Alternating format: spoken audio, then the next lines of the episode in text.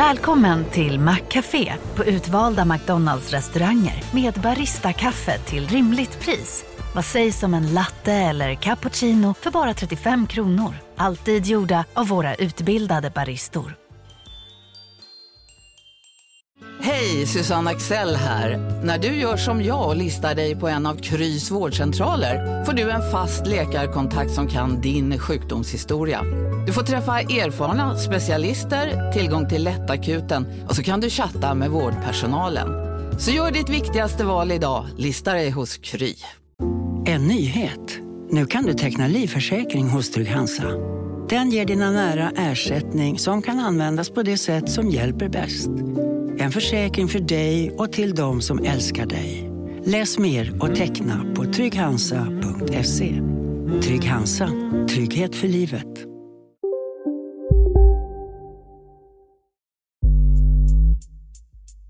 Från Monopol Media, jag heter Gunnar Harjus. Jag, heter Jakob Bursell. Och du lyssnar på Kapitalet, eh, Sveriges största podd om ekonomi som inte är ointressant. Det var ny. Ja, jag försöker lansera, lansera oss som den största podden som inte handlar om ointressant ekonomi, utan Ja. som handlar om intressant ekonomi. Jävla slogan.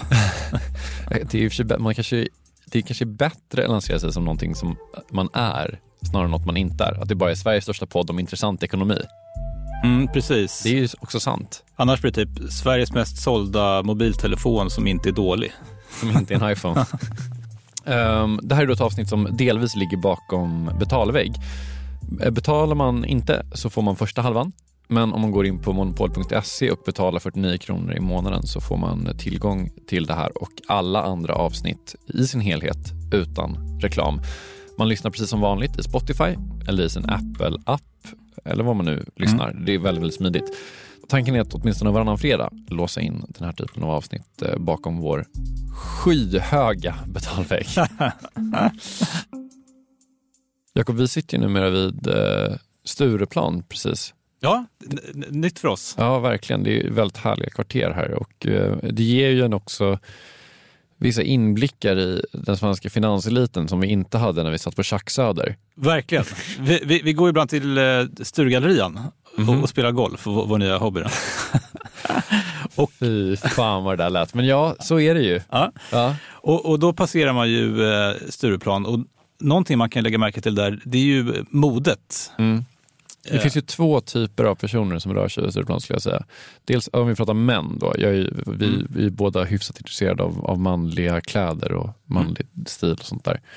Det ena är ju liksom kostymmannen. Ja. De har för små kostymer. Varför har de så små, små, små kostymer på sig? Ja, det blir bättre dock. Jag säga. Lite ja. bättre, men det är fortfarande att den liksom skär av liksom, precis en tredjedel in i rumpan och sen så är det liksom de här ärmarna som är så jävla tajta som ser ut som jävla skinn har de på sig. Eh, hör ni det här? Och jag har kostym. Testa en större storlek bara. Jo, det, det är också dåliga tider nu så de kanske inte haft råd att köpa nya på ett tag. Och de gått upp i vikt. Ja. Kanske. Ja, nej, så kan det ju vara. Och sen är det en annan typ. Jo, och det här har ju liksom följt med ett par år och det är ju den här liksom, ehm, dun, eh, västen eller dunlinerjackan som, som man har liksom under rocken eller under kavaj, eh, kavajen. Ja, men det är ju något slags allmänt sånt eh, friluftsmode ju, som har tagit sig in på finansredaktionerna tänkte jag säga. Det är säkert där också, men i, i, i, börs, i Börshuset. Alltså, om man går Kungsgatan ner så ligger det ju typ fem stycken så här outdoor-butiker och inte en enda kostymbutik. Alltså 20 meter från, från Kungsgatan så ligger ju typ så här Fjällräven, Naturkompaniet, Haglöfs och typ någon, vad heter den, Patagonia. Ligger ju alla där. Ja, det, det är väldigt sant. Och det, och det har ju blivit liksom som ett, nästan som ett gammalt skämt att hedgefondsförvaltare måste ha liksom eh, fleeceväst och sånt där. Och, och så, har- så har det typ sett ut, Mm. liksom schablonartat. Vi har ju också skämtat om det här, tagit fram en egen kapitalet fleeceväst till exempel. Det har vi gjort. Ja. Men det är något som händer nu i marknaden. Jaha, berätta. Eh, ja, men det finns ju ett, ett märke eh, som jag knappt kan uttala. Arcteryx, säger man så? Du kan inte fråga mig om det här, men jag tror att man vet. Det, det är så här, något på latin kanske. Eh, och, och- det är då liksom ett så lite high-end outdoors-märke, är väl min känsla här. Ja. Lite, my- mycket mode, men inte mycket funktion det egentligen är. Eh, Alltså det är väl, eh, de har väl liksom jackor som man ska kunna bestiga något hela berg i, antar jag, eller? Jo, men det, det brukar man ju liksom alltid ha. Och sen så, det de tjänar pengar på är väl typ just här, liksom, de lite mer moderiktiga plaggen som man kan ha typ när man är på väg till jobbet. Mhm. Eller? Ja, nej, alltså 100 procent. Ja, alltså, ja, om jag får gissa så är det väl fördelningen Arcteryx-jackor som bestiger Mount Everest versus går Kungsgatan ner så är väl det 99,1. Nej, 1,99. du fattar. Här har vi en 43-årig man som sitter och pratar om det senaste modet. ja. Ja, du, är, du är ung och fin. Ja, Eh, men, men i alla fall, Arcteryx då, det ingår i något som heter Amer Sport som är ett jättestort eh, sportkonglomerat. Mm. Eh, och, och de ska ju då nu börsnoteras. Eh, man ska då ta in 1,8 miljarder dollar. Här ingår då eh, det här som heter Arcteryx, Salomon, Atomic och Peak Performance. Mm. Så det är liksom en fin uppställning med liksom lite skidvarumärken och sånt där. Visst. Eh, och eh, blir liksom en av förmodligen årets eh, stora IPOs. Är det så? Kommer de få så här övervärderingar för att alla, eh, alla sådana investment bank-killar är, är så kära i märket att de bara kommer liksom pusha upp värderingen mer och mer och mer och mer? Exakt, ja, men det är det det skämtas om nu då. För att nu, nu sitter liksom, det här blir någon liksom undermedveten övervärdering av bolaget. För man tänker typ, det här är mina, Här är mina det boys. här, det här gillar jag. Det här ska vi äga. Ja, vad blir nästa sån? Jag tänker, eh, Jo, ja, men det, det tänker jag då, det blir då svenska brasserier. ja, de äger alla restauranger. Ja, men den här restaurangkoncernen, det är intressant att Ja. man försöker liksom göra en roll-up och, och köpa alla liksom finanskrogar. Mm. Eh, Men det är då Sturehov, Rish, Teatergrillen, Taverna Brillo, Stockholms matmarknad, lite sådana grejer. Mm. Börsnotering 2024? Frågetecken. Ja, Med, till, till någon sorts sjuk övervärdering. ja, men vi, vi får se. Ja. Ja. Vi ska prata om två saker idag. Eh, Jakob, vad, vad ska du prata om? Jo, eh, det kom en nyhet i veckan att Kivra och SE-banken går ihop. Och eh, jag tycker att det här är något eh, djupt obehagligt. Och, och jag måste få utveckla vad jag tycker om det här. Gud vad spännande. Jag ska prata om vad som kanske är svenskans vidrigaste ord, var det kommer ifrån och vad det säger om vår tid. Mm. Helt okej pitch. Ja, bra. Eh, det här är vad man får höra eh, efter det här.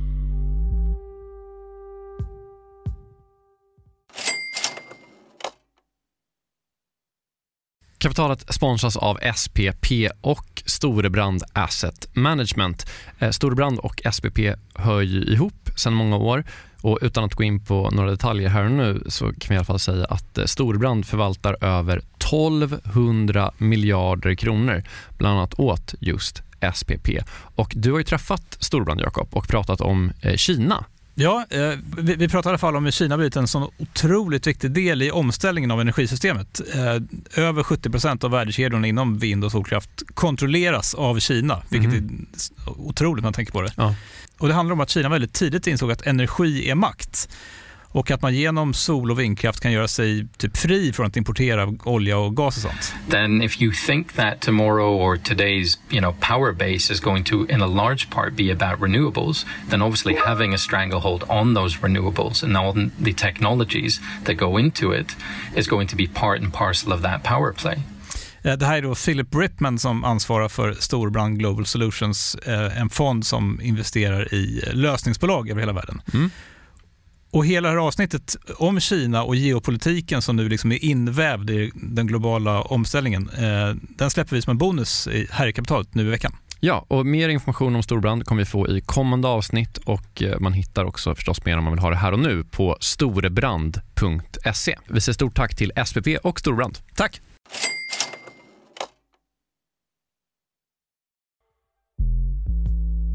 Okej Jakob, nu har det varit lite reklamtätt i början, vi ska väl vara ärliga och säga det, men det är svårt, det är svårt att lägga upp de här avsnitten på något sätt. Men eh, du Så på något sätt måste vi eh, tjänar pengar, så Ja. är det faktiskt. Några andra som vill tjäna pengar är då Kivra, som du har pratat om. Berätta, vad är det som pågår? Vet du vad Kivra är förresten? Jag har Kivra, jag är en Kivra-användare. För nu har jag liksom mina räkningar på fyra ställen. Väldigt frustrerande. Eh, Men Kivra är då ett av de här ställena. Precis, och är man en levande människa och har en ekonomi så, så är chansen typ 75 procent att man, man är kund hos Kivra i någon form. Alltså de har över 5 miljoner användare i Sverige. Mm. Och, och det är ju en penetrationsgrad, det här är ju en ekonomipodd så vi måste använda rätt språk. Det här är en penetrationsgrad som, som liksom bara överträffas av typ Försäkringskassan och Skatteverket och typ kanske, jag tror Swedbank har 7 miljoner kunder i Sverige. Oj. Men, men det, är, det är riktigt, riktigt stort. Ja. Jag kollar lite i, i arkiven då efter det här bolagets historia. Och, och det första spåret jag hittar är en pressrelease från april 2011. Eh, Det är ett företag som heter Evelope, alltså som En, som envelope. ja, precis. Ja. Eh, Med vd Robert Wahlström som, som lanserar något som man kallar för kreditkopia. Man ska typ kunna se sina kreditupplysningar på nätet, eh, vilket var jätteinnovativt då för att vara 2011.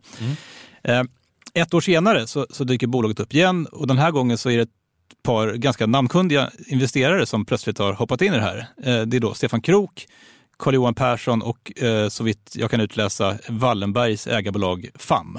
Jag fattar. Stefan Krook är den minst kända av de här tre. Vilka, vem är det? Han är en gammal IT-kille, grundade eh, Glocalnet eh, och sen ett elbolag som heter God El och sen ett fondbolag som heter God Fond. Okej, jag fattar. Så det är tre, och H&M är, Persson är ju H&M då och Wallenberg är ju Wallenberg. Ja, exakt. Ja. I den här artikeln från 2012 så framgår att bolaget har bytt namn till Kivra och så har man skruvat upp ambitionerna rätt mycket. Idén är nu plötsligt att digitalisera brev från företag och myndigheter. Och Stefan Krook som då tagit över som vd, han säger att det här kommer vara ett långt race som kräver långsiktiga ägare, vilket ju Wallenberg ändå får beskriva som. Ja, Sveriges mest långsiktiga kanske. Kanske. Jag tycker också man, man kan säga någonting om den här tiden. Det här är ju inte 2021 där det står liksom en dunvästbeklädd WC-kille i varje gathörn och bara kastar pengar på olika startups som, som, som kommer förbi. Det är fortfarande lite kärvt 2012 efter finanskrisen och det var liksom den här Greklandskrisen året innan. Eh, och liksom pengar kostar pengar. Alltså ägarna bakom Kivra de stoppar in riktiga gnetpengar i vad som på den tiden måste framstå som ett riktigt Sisyfos-uppdrag. Ja. Alltså, vi tycker nu att vi lever i moderna tider och vi tyckte det 2012, men det var rätt svårt att bygga digitala tjänster på den tiden, för det fanns inte alls samma liksom, så här, byggstenar och sånt. Nej, Amazon Web Services och sånt där. Nu Ja. hittar jag på att Kivra har det, jag har ingen aning, men du förstår vad jag menar. Exakt. Om man kollar på affärsidén bakom Kira så, så skulle man ju då ja, erbjuda bolag som skickar brev möjligheten att göra det digitalt och, och betala ett litet porto för varje digital försändelse. Och 2013 så kommer ett krav på att alla myndigheter måste koppla upp sig mot en sån här brevlåda och att även myndighetspost ska- kunna komma digitalt på något vänster. Det är ju intressant, för det är det här, du kanske kommer till det, men det här är ju det så här konstiga mellantinget, de här digitala brevlådorna. För att vissa skulle argumentera för att min inkorg på min Gmail är en digital brevlåda. För att e-mail är 100%. elektronisk mail och det är ju ganska liten skillnad egentligen. Men det är som att de har hittat någon slags mellanting mellan e-post och brev. Det är så brev som är för seriösa för att skickas som, som e-mail på något sätt. Mm, och, och sen finns det någon sån här säkerhetsaspekt kanske, inte för att jag vet någonting om... Jo, precis. Ja. Man måste ju logga in med BankID, ett annat företag som har en ganska liknande stil som Kivra, för att komma in på Kivra. Och jag behöver ju inte logga in min BankID för att komma in på min Gmail, utan där räcker det ju med ett lösenord. Ja, hur som helst, det, det är liksom ganska tyst i medierna eh, efter det här. Och man får anta att de här, det här teamet bakom Kivra gnetar på där i tysthet. Och sen när de dyker upp igen 2016, då är de plötsligt ett av Sveriges hetaste bolag. de har typ 600 000 användare. Eh, året därpå börjar Skatteverket betala ut återbäringen snabbare till folk som deklarerat via en sån här digital brevlåda som Kivra är.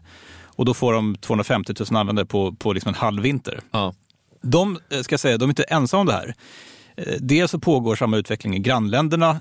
Eh, I Danmark hade man redan 2017 kopplat upp 80 procent av folket eh, och typ hela marknaden kontrollerades då av en statlig digital brevlåda som heter e-box. Eller hur ska du uttala på danska? E-books. E-box. Som då ägdes av Postnord. De försökte också komma in på svenska marknaden eftersom ja, Postnord är svensk, Svensk-danskt. Dansk, precis. Det fanns också ett bolag som hette Digimail och så hade svenska myndigheter en gemensam låda som, som fortfarande heter Min myndighetspost. Mm. Typ aldrig använt det. Nej. Sen går det här bara fortare och fortare. Eh, 2018 har Kivra två miljoner användare och adderar typ 100 000 användare och tusentals företag varje månad. Och sen bara exploderar det här under eh, pandemin. ICA kopplar upp sig och ska skicka liksom så här smittfria digit- digitala kvitton. Ja, jag får fortfarande dem. Ja, eh, man kan få vaccinbevis via Kivra och det blir liksom en succé, den här masspsykosen som, som råder 2020 och 2021. Då. Ja, det ska man inte under... Alltså de här vaccinbevisen var man ju tvungen att ha. Det fanns ju andra säkert sätt att kunna visa upp dem, men det var ju via Kivra man visade upp det och det, man behövde det för att typ gå på bio, även ganska långt efter att den här, eh, som du beskriver, psykosen hade, hade upphört. Men, men det fanns ju andra sätt också. Jag, jag vet att jag bara loggade in på någon sån här vaccinbevis.nu eller något sånt där. Du, du kanske är rätt, jag kanske blandar ihop där, jag vet inte. Nej, men du har rätt. För du kunde få det via Kivra också. Okej. Ja. Eh, Men det här leder till att de plötsligt har fem miljoner användare. För att liksom hela svenska folket har, ska då ha sina ICA-kvitton och, och eh, vaccinbevis till sin digitala brevlåda. Och så håller de inte bara på med, med digitala utskick, utan jag är ingen Kivra-användare själv ska jag tillägga, men man kan ju då tydligen betala räkningar, kolla lönebesked, deklarera, få typ orangea kuvertet och sånt där. Ja. Och allt samlat på ett ställe som något slags digitalt så här, skåp, arkivskåp. Brevlåda skulle man nästan kunna applicera för. Ehm, ja, det börjar bli lite reklam för Kivra känner jag. Ja. Skicka en faktura sen. Ja.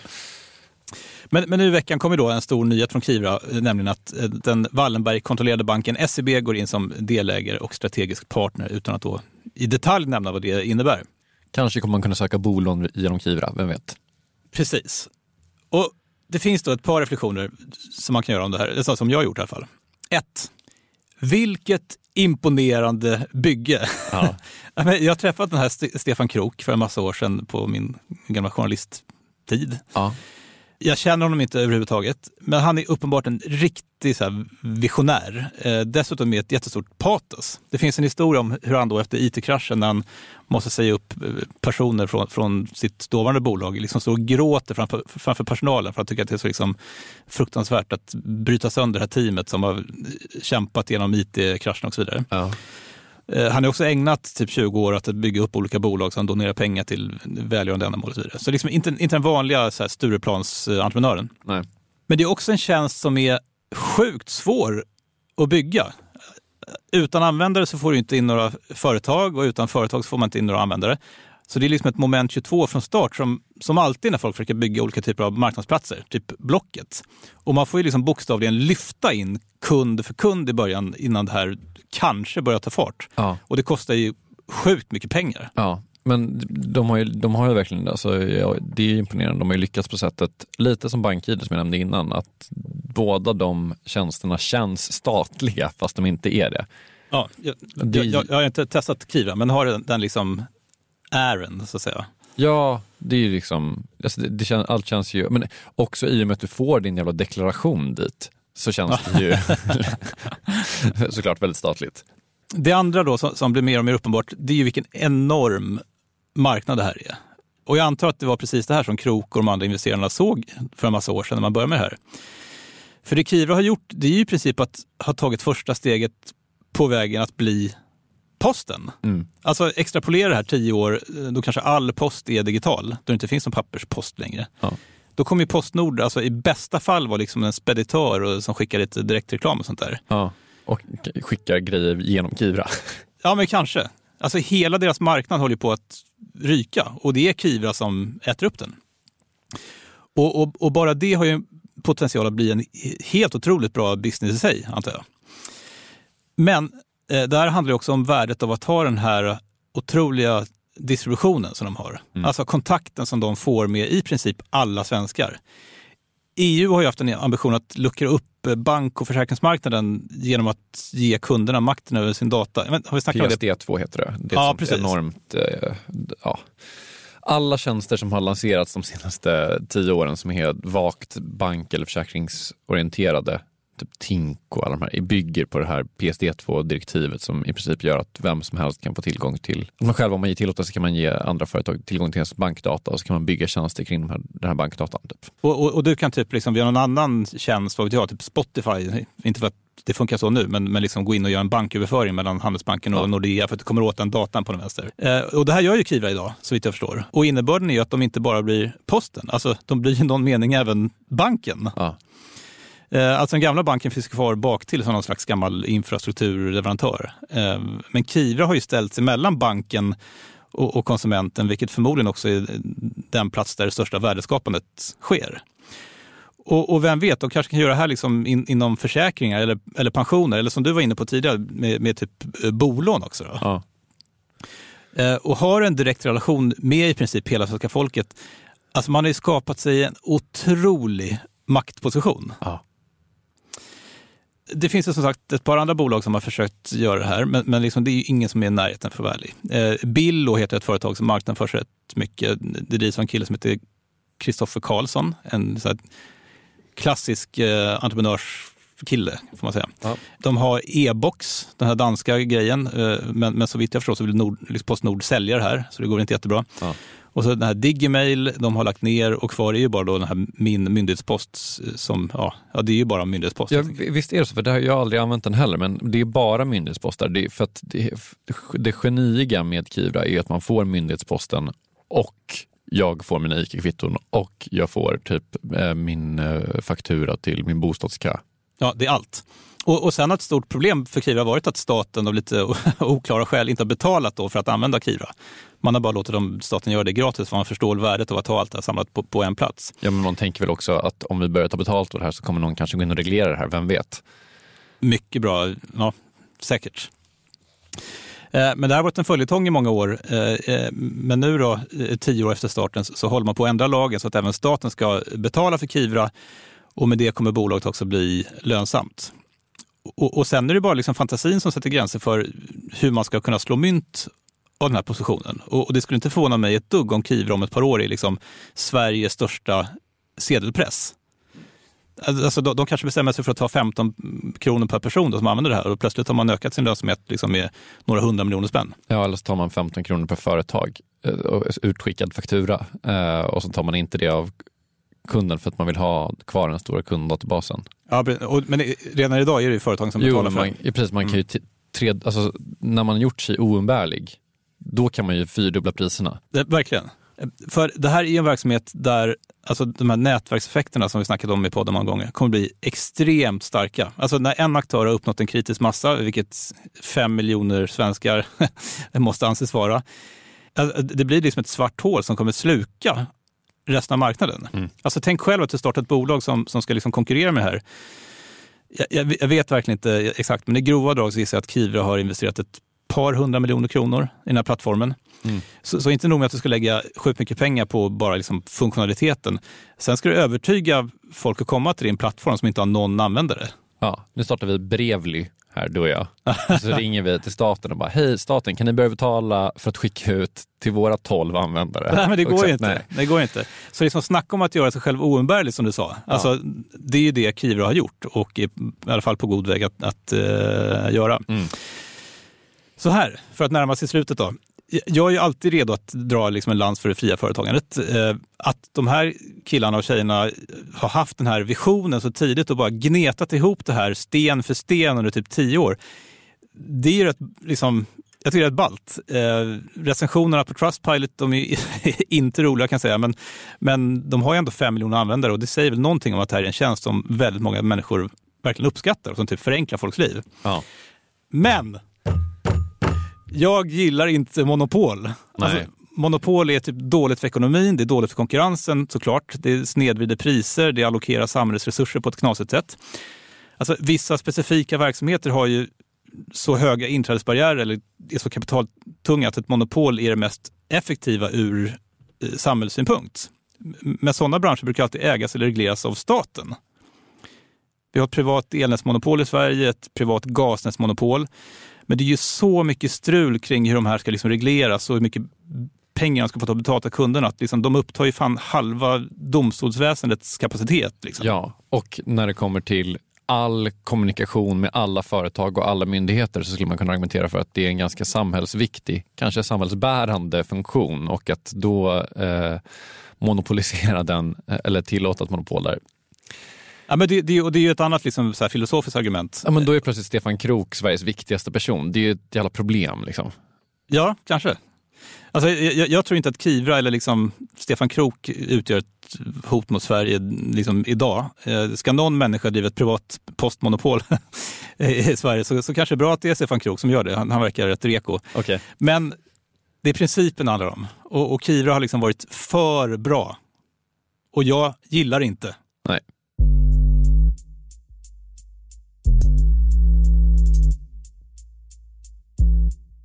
Nu blir det humanioraflum och eh, svenskans vidrigaste ord och hur det påverkar oss och våra hjärnor och vår ekonomi. Eh, vill man höra det så kan man gå in på monopol.se och signa upp för 49 kronor i månaden. Då får man allt kapital utan reklam. Eh, men vi säger väl hej då till alla som inte betalar och uppmuntrar alla kan väl betala eller i alla fall ge fem stjärnor i en recension. Det vore så snällt. Du, säga, du, du sa allt kapital, då får man alla kapitaltavsnitt? Ja, allt kapital. Okej, ja, ja. bra. Bra. Ja. Eh, vi hörs.